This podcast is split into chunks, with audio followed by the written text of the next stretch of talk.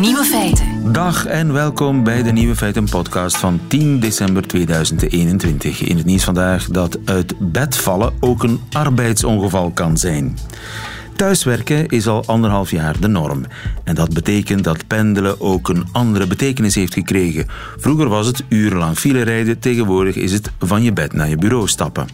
Maar dat betekent niet dat er onderweg geen ongevallen meer kunnen gebeuren. Dat ondervond onlangs een Duitser. Hij stond op en wandelde van zijn bed naar zijn bureau een verdieping lager en op de trap gleed hij uit en brak daarbij een ruggenwervel.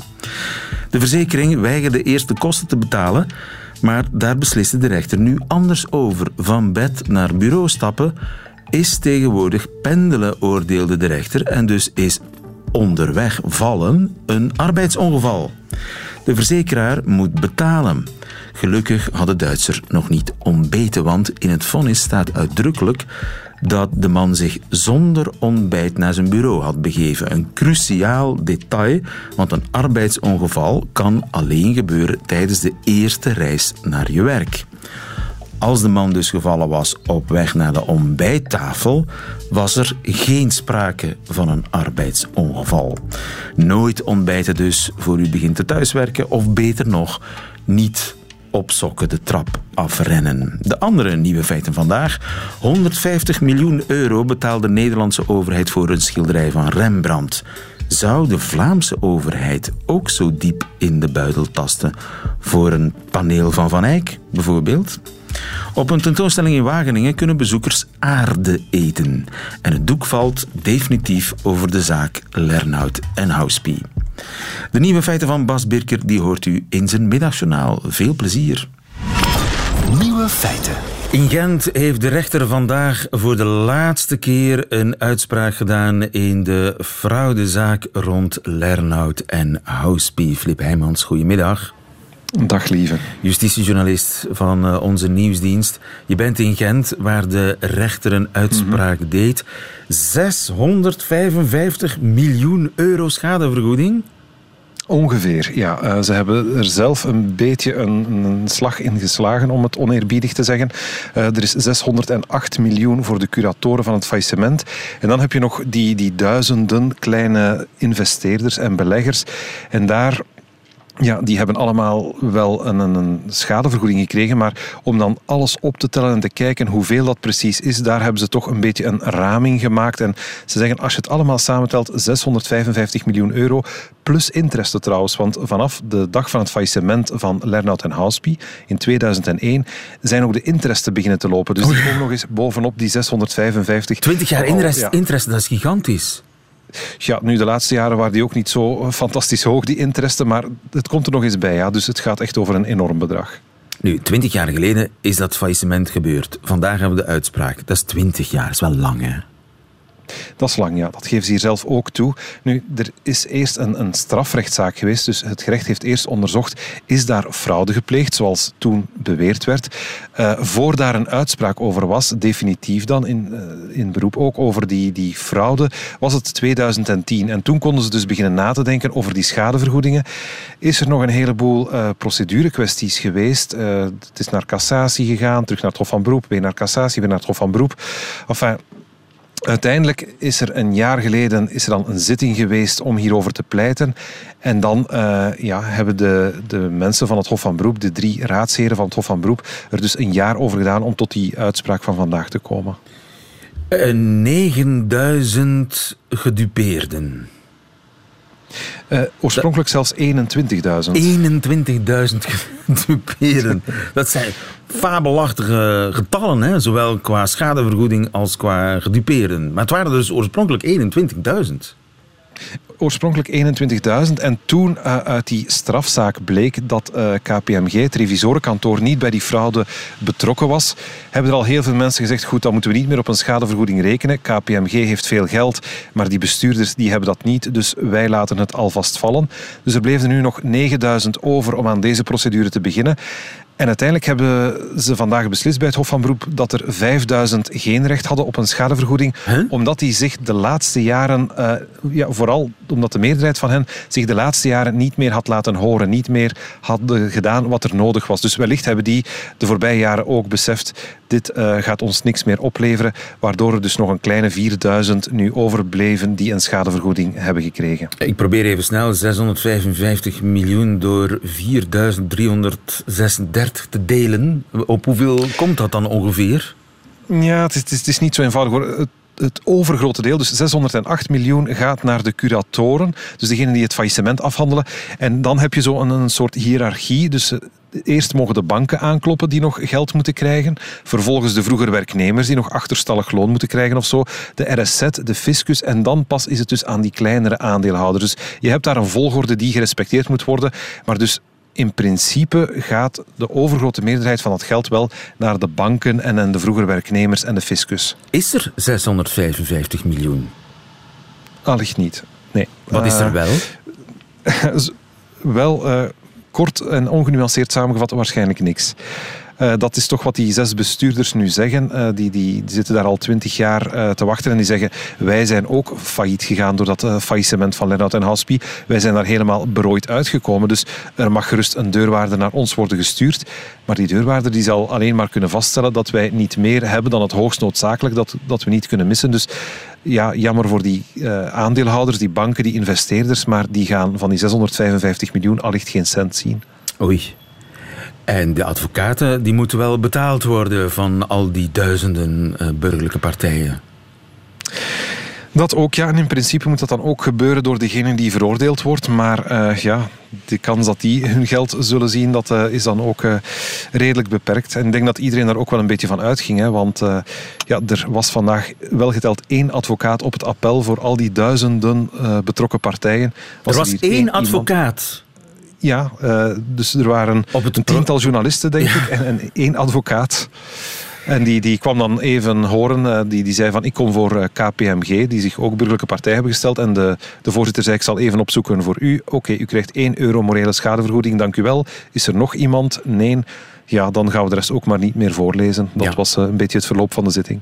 Als je ooit nog een voorbeeld zoekt van op een sisser aflopen, dan is het dit wel. In de praktijk wel, ja. In theorie is het natuurlijk een mega-uitspraak uh, over honderden miljoenen en een arrest van 11.000 bladzijden. En dus het is een arrest van de grote cijfers, maar in de praktijk uh, ja, denk je dat je het als een sisser kan omschrijven. En het is nu definitief gedaan? Nee. Uh, in principe kan hier nog cassatieberoep tegen worden aangetekend. Dus dan moet het Hof van Cassatie zich erover buigen. Bestaat de kans dat heel die zaak door een ander Hof van Beroep moet worden overgedaan? Ik heb nog niemand horen zeggen dat ze dat van plan zijn, maar het valt niet uit te sluiten. Ik zal die ene advocaat toch eens gaan opzoeken. wie weet, wie weet. En, en, er loopt ook nog een andere zaak. Bij de ondernemingsrechtbank in Ieper uh, is er ook nog een zaak aangespannen door uh, andere gedupeerden. Die hoopten op die manier iets te krijgen, maar goed, die, die laten ook wel weten dat de kans klein is dat ze via die weg aan geld zullen geraken. Maar er loopt dus nog wel iets. Dus ook twintig jaar na de feiten is uh, Lernout en Houspie nog altijd niet helemaal definitief afgesloten. En definitief uitgepraat. Dankjewel, Filip Heijmans vanuit Gent. Goedemiddag. Nieuwe feiten.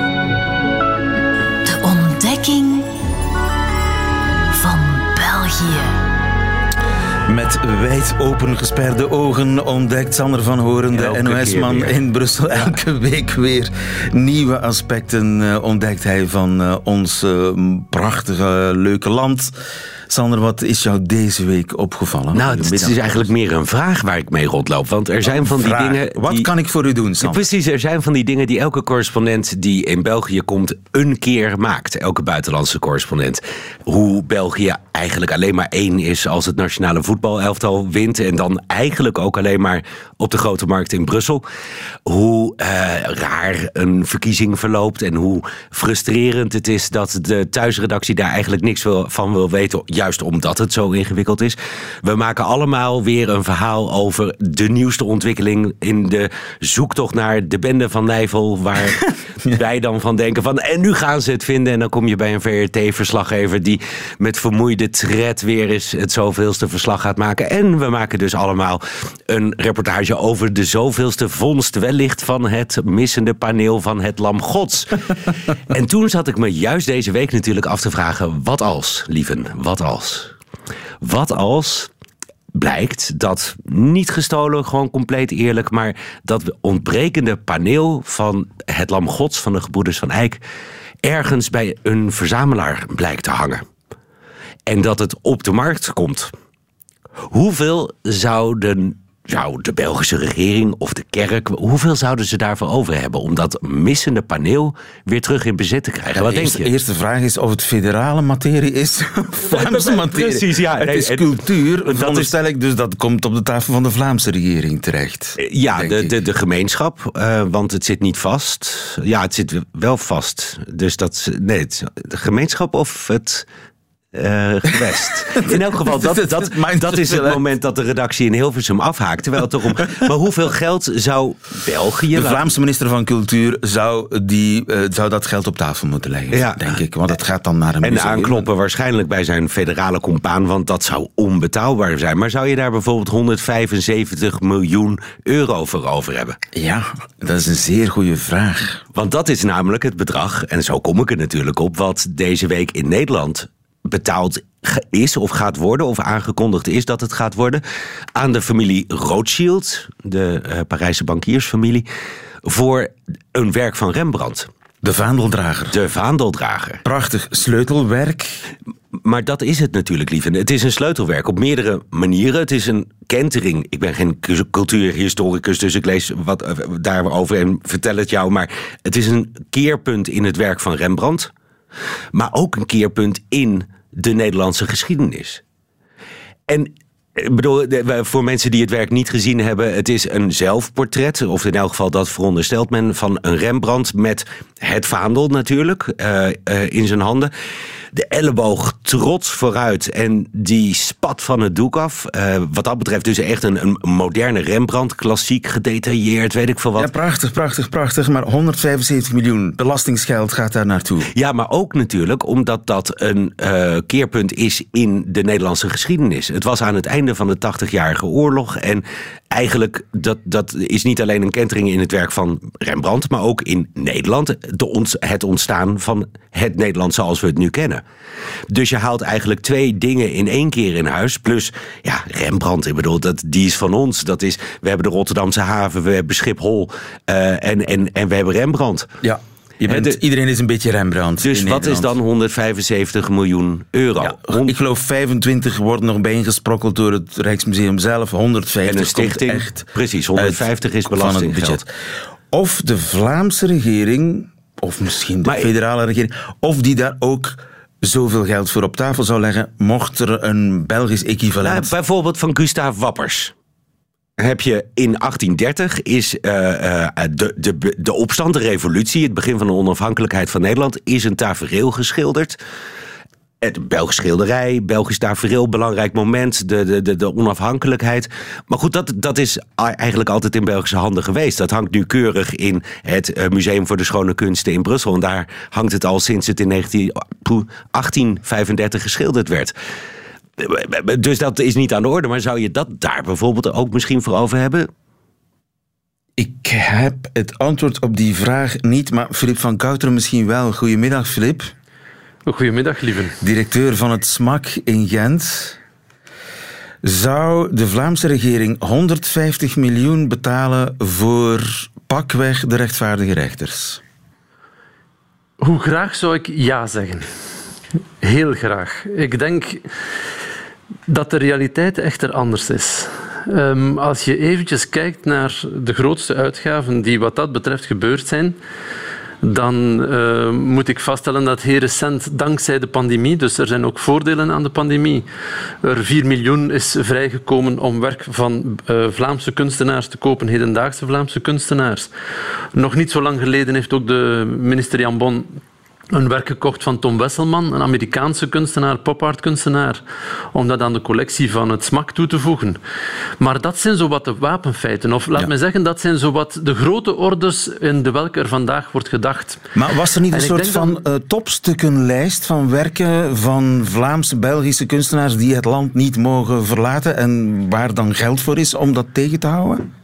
Dat is inderdaad zo, maar daar hebben we nog, eh, nog nooit bedragen gehad die, die, die 150 of 175 miljoen zijn. Welke Wat voor mij bedragen nog hebben we dan altijd wel? Een, een, een, wel, wij praten over iets dat ik denk, ja, als het 5 miljoen zal zijn, dat zijn zo'n maximumbedragen, denk ik. Weet je, er is een, ergens een Ensor geweest, 2 miljoen 3 of 2 miljoen 8, ergens in die horde. Hè, maar 175 miljoen, wat daarnet verteld werd, dat zijn uitzonderingen. Dat, dat is er overigens niet. Inderdaad, nu je zegt Ensor, er is toch in het Getty Museum in L.A. hangt toch de, de intocht van Christus in Brussel? Juist. En dat is natuurlijk ook de vraagstelling, vind ik. Los van het geld, want uiteindelijk 175 miljoen, dat is de neus van een gevechtsvliegtuig. Dat is één kilometer autostrade. Ehm, zo enorm veel geld is dat ook weer niet. De vraag is eigenlijk... Ondanks het feit dat het een, een sleutelwerk is van Rembrandt, moeten we vandaag eh, blijven terugkijken. Moeten we niet vooruitkijken? Moeten we de, de, de, de toekomst van Nederland eh, niet symbolisch anders valoriseren dan, dan terug die, die, eh, te investeren in, in Rembrandt, wat een symbool is, waar, en waar tenslotte toch al zeer veel Rembrandts in Nederland aanwezig zijn. Een stuk Ah, ja. 40, hè, geloof ik. Ja. Dus jij vindt, Ja. die, jij vindt dat eigenlijk weggesmeten geld? Ik vind dat geen wegges- weggesmeten geld. Integendeel, alles wat naar, naar kunst en naar cultuur kan gaan, is een, is een zeer positieve zaak. Maar ik denk dat in de wereld waar we vandaag in leven, waar zeer veel vraag- vragen gesteld worden eh, over het recente verleden, waar eh, we heel veel vraagstukken hebben naar het postkoloniale en dergelijke meer, dan denk ik dat je als overheid ook misschien wel eh, een soort... Aan de ene kant die Rembrandt kopen voor 175 miljoen, maar misschien het bedrag eenvoudigweg verdubbelen om daar nog een ander statement mee Ja. te maken dat eigenlijk naar de toekomst gericht is. En dat gaat dus ook gebeuren, hè? Dat gaat ook Voor gebeuren. hetzelfde bedrag. Waarschijnlijk wel. Er is een, eh, een- meerderheid in de Tweede en de Eerste Kamer nodig in Nederland. Eh, het volledige parlement dus. Om dat extra bedrag eenmalig vrij te maken. Want het gaat buiten de begroting om. En er ligt nu eh, alvast een motie van, ik meen GroenLinks. Die zegt eh, er moet dus ook 150 miljoen naar hedendaagse kunst. Naar de huidige cultuursector gaan. Hè, dus dat, dat bedrag dat wordt gesandwiched eigenlijk. Om te vermijden dat, die, dat dat bedrag van het huidige budget afgaat. Nee, om te vermijden dat je inderdaad die discussie krijgt van allemaal leuk en aardig. eh, geld voor een stuk papier uit het verleden. eh, terwijl onze huidige cultuursector ook belangrijk is en ook onder vuur Ja. ligt. En Maar eigenlijk is dat een andere discussie. We hadden het eigenlijk over hoeveel mag het kosten. Nou, het kost dus nu 300 miljoen eigenlijk Ja, inmiddels al. maar, maar dat soort bedragen zijn in Vlaanderen ondenkbaar, Filip. Die, die bedragen zijn in Vlaanderen ondenkbaar. Mag, Maar je- mag je- dat niks kosten bij ons? ik, Weet je, ik denk dat ze niet onmogelijk zijn, maar ze zijn ondenkbaar omdat het soortelijk gewicht dat kunst en cultuur in onze regio nog altijd heeft, gering is. Hoe komt maar dat? het zou Kunst toch niet zo kunnen zijn dat als je de rechtvaardige rechters aangeboden krijgt, dat je dan zegt van ja, maar we hebben al acht panelen hangen, waarom die negende is toch niet belangrijk? Ja, maar de, de, de, de rechtvaardige rechter is nu een heel bijzonder geval. Ik denk dat daar wel eh, inspanningen zouden voor geleverd worden. Hè.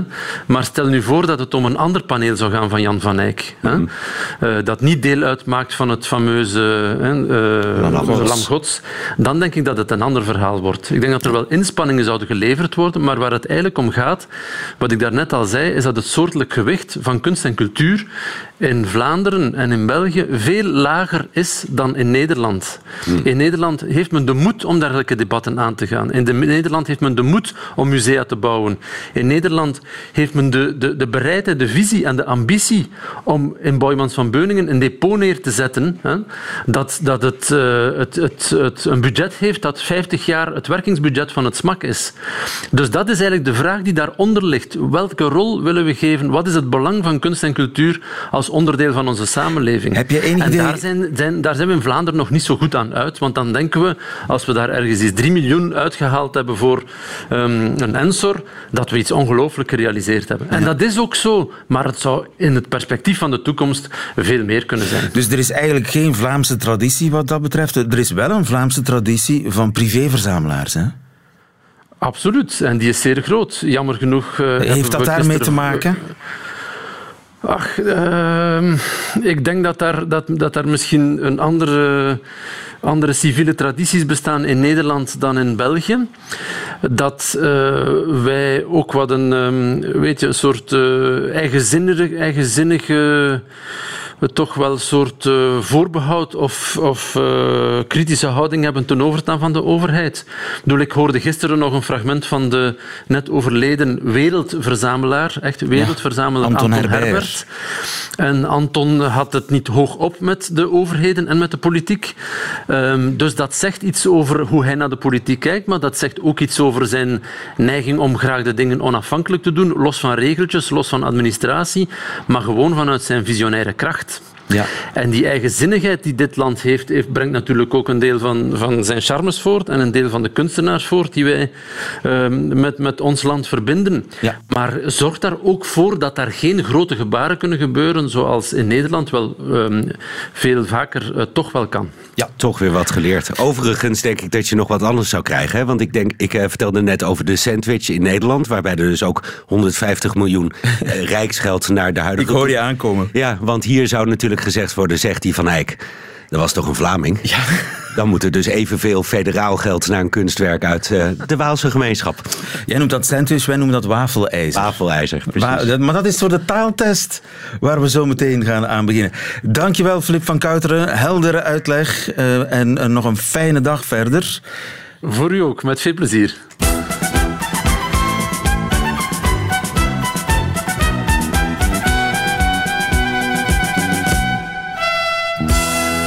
Examen Vlaams. Wat is wafelijzerpolitiek? Ja, Sandwichen, dus dat uh, elke euro of elke frank gematcht moet worden aan beide kanten van de Ken je één uh, frappant voorbeeld van wafelijzerpolitiek? Ja, nou ja, dat viaduct is natuurlijk uh, de, de, de, de, die botenlift in Wallonië. Dat is het hellend vlak van... Ja, oh jee. Nee. Ronquière. Ja. Wat is plasticine? Oh, die ben ik wel tegengekomen. Plasticine. Nee, daar kom ik niet op. Elke Vlaming is dat tegengekomen in zijn jonge jaren. Nee, zou ik het nog Plasticine? Nee, nee. Ja, ik, ik, boetseer klei, ik noem maar Zeer wat. klei. Boetseer, uh, van, van, die, van die kleurrijke dingetjes waar je als kind kunt Play-Doh. kneden. Pedo? Play-Doh. Oh. Play-Doh. Sorry. God. Heet dat Play-Doh? Nou ja, dat is, dat is een... Boetseer? Ik weet niet of, of uh, toen mijn kinderen opgroeiden, woonden we in, uh, in Libanon. Uh, dus ah, daar ja, heette okay. het. Dus maar toen jij opgroeide, je kon daarmee rollen, je kon Ja, er bolletjes mee maken en, en mannetjes en vrouwtjes. Ja, weet ik niet meer. Nee. Carré confituur. Oh god, ja, dat is, eet ik nooit. Maar dat, dat is, is volgens mij een gebakje, toch? Welk soort gebakje, Welk soort Sander? gebakje, Sander? um, dat weet niet of wij dat kennen. Nee, zou ik niet weten. Noem het eens. Ja, het carré is, het is vierkant. Vierkant, bladerdeeg volgens mij. Bladerdeeg en dan zo een, een ja, rasterachtige structuur Ja. in, in, in een soort van bladerdeeg met jam eronder. Nee, hebben wij niet. Ja. Nee, maar jullie zijn ook heel raar. Jullie stoppen ook tomatenketchup in een sausijzenbroodje bijvoorbeeld. Dat soort dingen. Wat is een sausijzenbroodje ook alweer? Nee, Worstenbroodje? een worstenbroodje. Wo- worstenbroodje. Daar zetten wij ketchup op. Ja. Tuurlijk. Oh, ja, ja, precies. Nou, succes met je carré Carrefour. Nee, wat is het? Carré confituur. Carré confituur. Ja, dat was het, ja. Ja, ik ben er ook geen fan van. Uh, Nougatbollen. Um, dat zijn niet onze moorkoppen, geloof ik. Maar nee, nee. Ja. ik, ben niet, ik ben niet van de patisserie, sorry. Maar het is eigenlijk helemaal geen patisserie. Misschien is het wel patisserie, maar het wordt meestal niet in die betekenis gebruikt. Maar is dat een oliebol dan? Nee. nee dat, want die heb ik laatst in Brussel op de kerstmarkt gekocht. En Weet je wat het resultaat is van je examen Vlaams deze week? dat ik moet gaan snoepen. Nougatbollen. Nougatbollen. Niets. Niets. Nougatbollen. Maar hoe heet de oliebollen ook alweer in het uh, uh, Belgisch? Het... Smoutenbollen. Smoutenbollen. Maar wij zeggen ook oliebollen. Ja, ja, ja, maar smoutenbollen zijn ook heel klein. Of in elk geval die ik hier kocht. Want ik dacht inderdaad, uh, Hollander die ik ben van... Uh, wow, dat is goedkoop. Maar het zijn hele kleintjes. Ja. Ze smaken hetzelfde. Sorry dat we jou culinair teleurstellen. Het van het jaar. Dankjewel, Sander van Horen. Uh, wij draaien een kerstplaatje voor jou. En tot volgende week. Nieuwe feiten. In het uh, Bodemmuseum van Wageningen loopt er een wel heel bijzondere tentoonstelling over eetbare aarde. Stefan Mantel, goedemiddag. Goedemiddag. Eten mensen aarde? Nou, dat uh, is een, uh, inderdaad een, een, een lang uh, verbreid en wijdverbreid verschijnsel. geofagie heet dat. Dus het eten van aarde. En dat wordt overal ter wereld gedaan. Overal ter wereld eten mensen aarde en daarover gaat nu een tentoonstelling in het museum waarvan jij de directeur bent. Ja, ik ben het hoofd van het Wereldbodemmuseum in Wageningen en wij hebben inderdaad een, een, een, een tentoonstelling uh, die door uh, curator Masharou in ons museum is uh, georganiseerd. Oké, okay, en Masharou hangt ook aan de lijn. Goedemiddag Masharou. Goedemiddag. Jij komt uit Rusland, je bent kunstenaar en jij eet aarde. Ja, dat klopt. En welke aarde? Uh, ja, ik uh, ben heel geïnteresseerd en geïntrigeerd door dit fenomeen, geofagie inderdaad. En ik verzamel aarde die wordt door mensen gegeten door de wereld. Dus dat gaat vooral over uh, klei of kruid en aarde waar niet zoveel organische materiaal zit, of eigenlijk geen organische materiaal. Ja, ja. Maar ja, er zijn verschillende soorten en verschillende verhalen verzameld. Dus... Soms uh, er zijn ook aardes met wat organische materialen daarin. Ja, ja, organische materialen in aarde, dat is geen goede zaak. Nou, ik zou zeggen dat wordt uh, minder vaak gegeten door mensen. En welke aarde is dat dan? Is dat dan zand? Uh, zand, uh, ja, ik heb meestal in mijn collectie klei, kruid, limesteen. Ik heb niet per se puur zand, maar ik heb wel bekeken online dat zand wordt ook gegeten. Maar ik ben nog niet naar die plekken gekomen. Ja, en op welke plekken wordt dat vooral gegeten dan? Ja, door de hele wereld eigenlijk. Ik heb uh, op dit moment collectie van uh, 35 verschillende landen, maar dit is een kleine deel van wat er helemaal gebeurt. Dat eet je toch niet puur, neem ik aan? Nou ja, ik eet dat wel puur, maar uh, ja, als je mensen willen daarmee koken, dat kan natuurlijk ook. Uh, ik weet dat vaak uh, mensen drinken aarde, dus die drinken klei of drinken geilende aarde als een voedselsupplement en ook als een medicijn. En natuurlijk er zijn waarschuwingen van voedselautoriteiten, want niet elke soort klei die op de markt zit is uh, uh, toegezegd als voedselsupplement. Ja. Is het lekker? Uh, ik vind dat wel lekker. En wat vind maar, je het lekkerst, um, klei of krijt? Ik vind klei wel lekkerder dan krijt. En wat is het verschil? Mm, Oké, okay. kruid is wat, hoe moet ik dat zeggen, crispy. en uh, dat is krijt. En klei is meer... Uh, Oké, okay, het is een beetje moeilijk in Nederlands voor mij uit te leggen. Ja. Maar uh, klei is ook een beetje meer plakkerig. Ja, ja. En uh, wat, um, ja, dat geeft ook meer verschillende smaken dan ja. krijt. En moet je daar dan nog kruiden op doen? Peper, zout? Ja, ik doe dat zelf persoonlijk niet, maar sommige mensen doen dat wel. Dus ik heb verzameld ook bepaalde soort snacks, gemaakt uit klei. Die zijn verkocht op de markt, bijvoorbeeld in Indonesië of uh, bepaalde Afrikaanse landen, bijvoorbeeld Nigeria. Uh, die zijn soms wel met uh, met zout of bepaalde dingen daarop. En ook uh, klei wordt verkocht als snack in Oezbekistan. En dat is wel heel erg gezouten klei. Maar de zout is natuurlijk, dat komt uit aarde. Ja. En is het voedzaam? Ja, er is een discussie daarover. Dus er zijn een aantal uh, wetenschappelijke publicaties ook. En natuurlijk in aarde zitten een aantal mineralen die uh, worden als mens, voor mensen gebruikt. Bijvoorbeeld calcium of zink of magnesium of ijzer. Uh, maar er is uh, natuurlijk een discussie hoeveel van deze materiaal blijft wel in de lichaam. Ja. Maar er zijn wel wetenschappelijke artikelen die uh, onderzoeken de idee dat klei uh, dus aarde, maar vooral klei kan als voedselsupplement gebruikt worden. En natuurlijk, dat is al honderden, uh, honderden dus duizenden jaren lang gegeten door mensen. Dus die traditie bestaat al lang. En uh, ja, dat heeft reden, denk ik. Ja. Maar er kunnen ook natuurlijk toxines daar zitten. Aha, dus niet ongevaarlijk. Stefan, is het de bedoeling dat we allemaal aan de klei gaan? Nou, dat denk ik niet. Uh, in ieder geval niet uh, onoordeelkundig. En zoals Macharou zegt, het, is, het, wordt door heel de wereld gedaan, al uh, heel lang. Maar ja, ik denk dat de, voornaamste component in bodem die, die actief is in het maag-darmstelsel, is inderdaad zijn kleideeltjes. En kleideeltjes zijn eigenlijk een soort magneet voor nutriënten.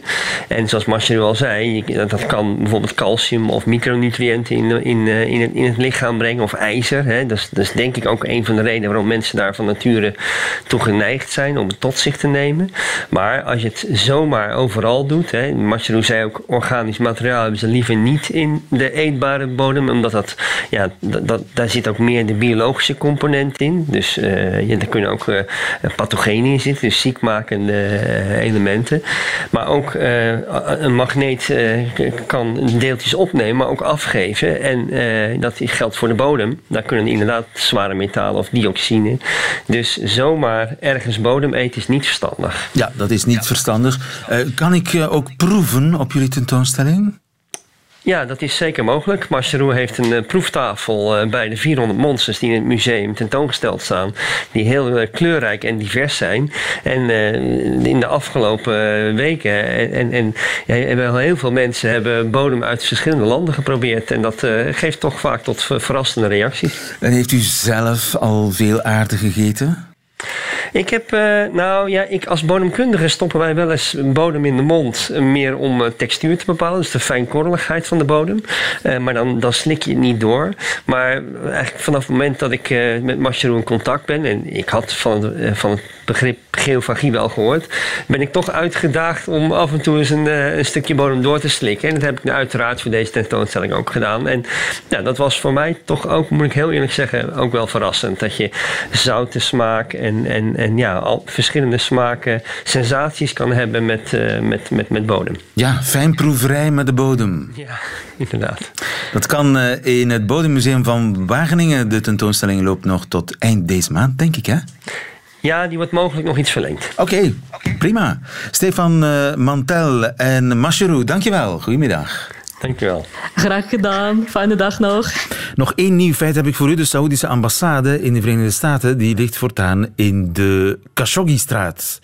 Bestuur van Washington DC heeft de naamsverandering van de straat goedgekeurd. Die heet dus vanaf nu officieel de Jamal Khashoggi-weg, vernoemd naar de Saoedische journalist die op 2 oktober 2018 vermoord werd omwille van zijn kritiek op uh, het Saoedische regime. De kroonprins zelf zou achter die moord zitten. Het is trouwens niet de eerste keer dat Washington straatnamen gebruikt om regimes een steek te geven. Zo werd een plein dicht bij de Russische ambassade in 2018 omgedoopt tot Boris Nemtsovplein, vernoemd naar de vermoorde Kremlin-criticus Boris Nemtsov. En daarmee heeft u dus uh, alle nieuwe feiten gehad van deze 10 december, behalve die in het leven van Bas Birker. Nieuwe feiten. Middagjournaal. Liefste landgenoten, ik snap niet hoe u zo rustig kunt blijven zitten. Leest u geen kranten? Er is wel een besmettelijke ziekte in omloop, hè? En dan ook nog eentje die ons tig jaar terug in de tijd katapulteert. Ik heb in ieder geval jeuk. En die is begonnen toen ik gisteren hoorde dat er schurft heerst. Schurft ja, u hoort het goed. Een huidaandoening die zo besmettelijk is dat u inmiddels ook al zit te krabben. Of er anders nu mee gaat beginnen. Of nu. Kriebel, kriebel. Ik las het woord schurft en dacht, mieters schobbejakken. Welke belhamels hebben het dagblad gekaapt en de data des websites meerdere decennia teruggedraaid? Drommels, drommels en nog eens drommels. Getijsem is het. Waarschuw de veldwachter en breng het addergebroed naar de baljuw. Maar de gazet zat juist. We zitten met schurft. In 2021. Ik weet dat vintage cool is, maar niet elke rage van vroeger moet per se terugkomen. Dat geldt voor buffalo's, de kreuners, maar zeker voor schurft. Dat is iets te retro voor me. Al een kleine 30 clusters werden er dit jaar gedetecteerd. Dat zijn bijna 300 kriebelende landgenoten. 301 als we u alvast meetellen, met uw gekrap. Schurft wordt veroorzaakt door een parasiet in de huid en is uitermate besmettelijk, lees ik. Het gaat van mens tot mens na 15 minuten huid-op-huid contact. Ik weet niet hoe vaak u dat heeft, maar mijn lief en ik zijn 10 jaar samen. Wij hebben wel eens 15 minuten huid-op-huid contact, maar dan per maand. Mocht er al een schurft-expertengroep zijn, dan zouden ze ons waarschijnlijk aanraden elkaar niet meer aan te raken en vooral kleren te dragen. Maar helaas, stof op huidcontact is ook gevaarlijk. Als iemand anders dan uw onderbroek aandoet, heeft hij ook prijs. Dus wordt het verboden om kleren te dragen, tenzij om naar de winkel of dokter te gaan en absoluut niet langer dan 15 minuten. Uitgezonderd voetballers en die mogen ook truitjes wisselen, anders zou het slecht zijn voor onze concurrentiepositie in Europa. Ik ben behoorlijk klaar met deze pandemie, maar ik weet niet of ik al klaar ben voor de volgende. Of het nu de pest, pokken, cholera of schurft is. Wat ik wel weet, de volgende keer dat iemand tegen me zegt dat ik de tering kan krijgen, ga ik me toch even laten testen in de 19e eeuw. En mocht u nu nog steeds jeuk hebben, dan heeft u een levensles geleerd. Het enige dat besmettelijker is dan ziektes, is de angst ervoor. En stop met krabben.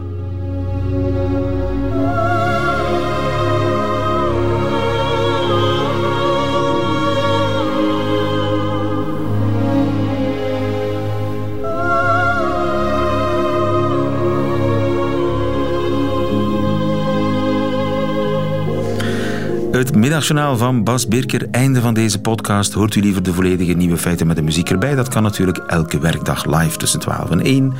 Of on demand via de Radio 1 app of website. Tot een volgende keer.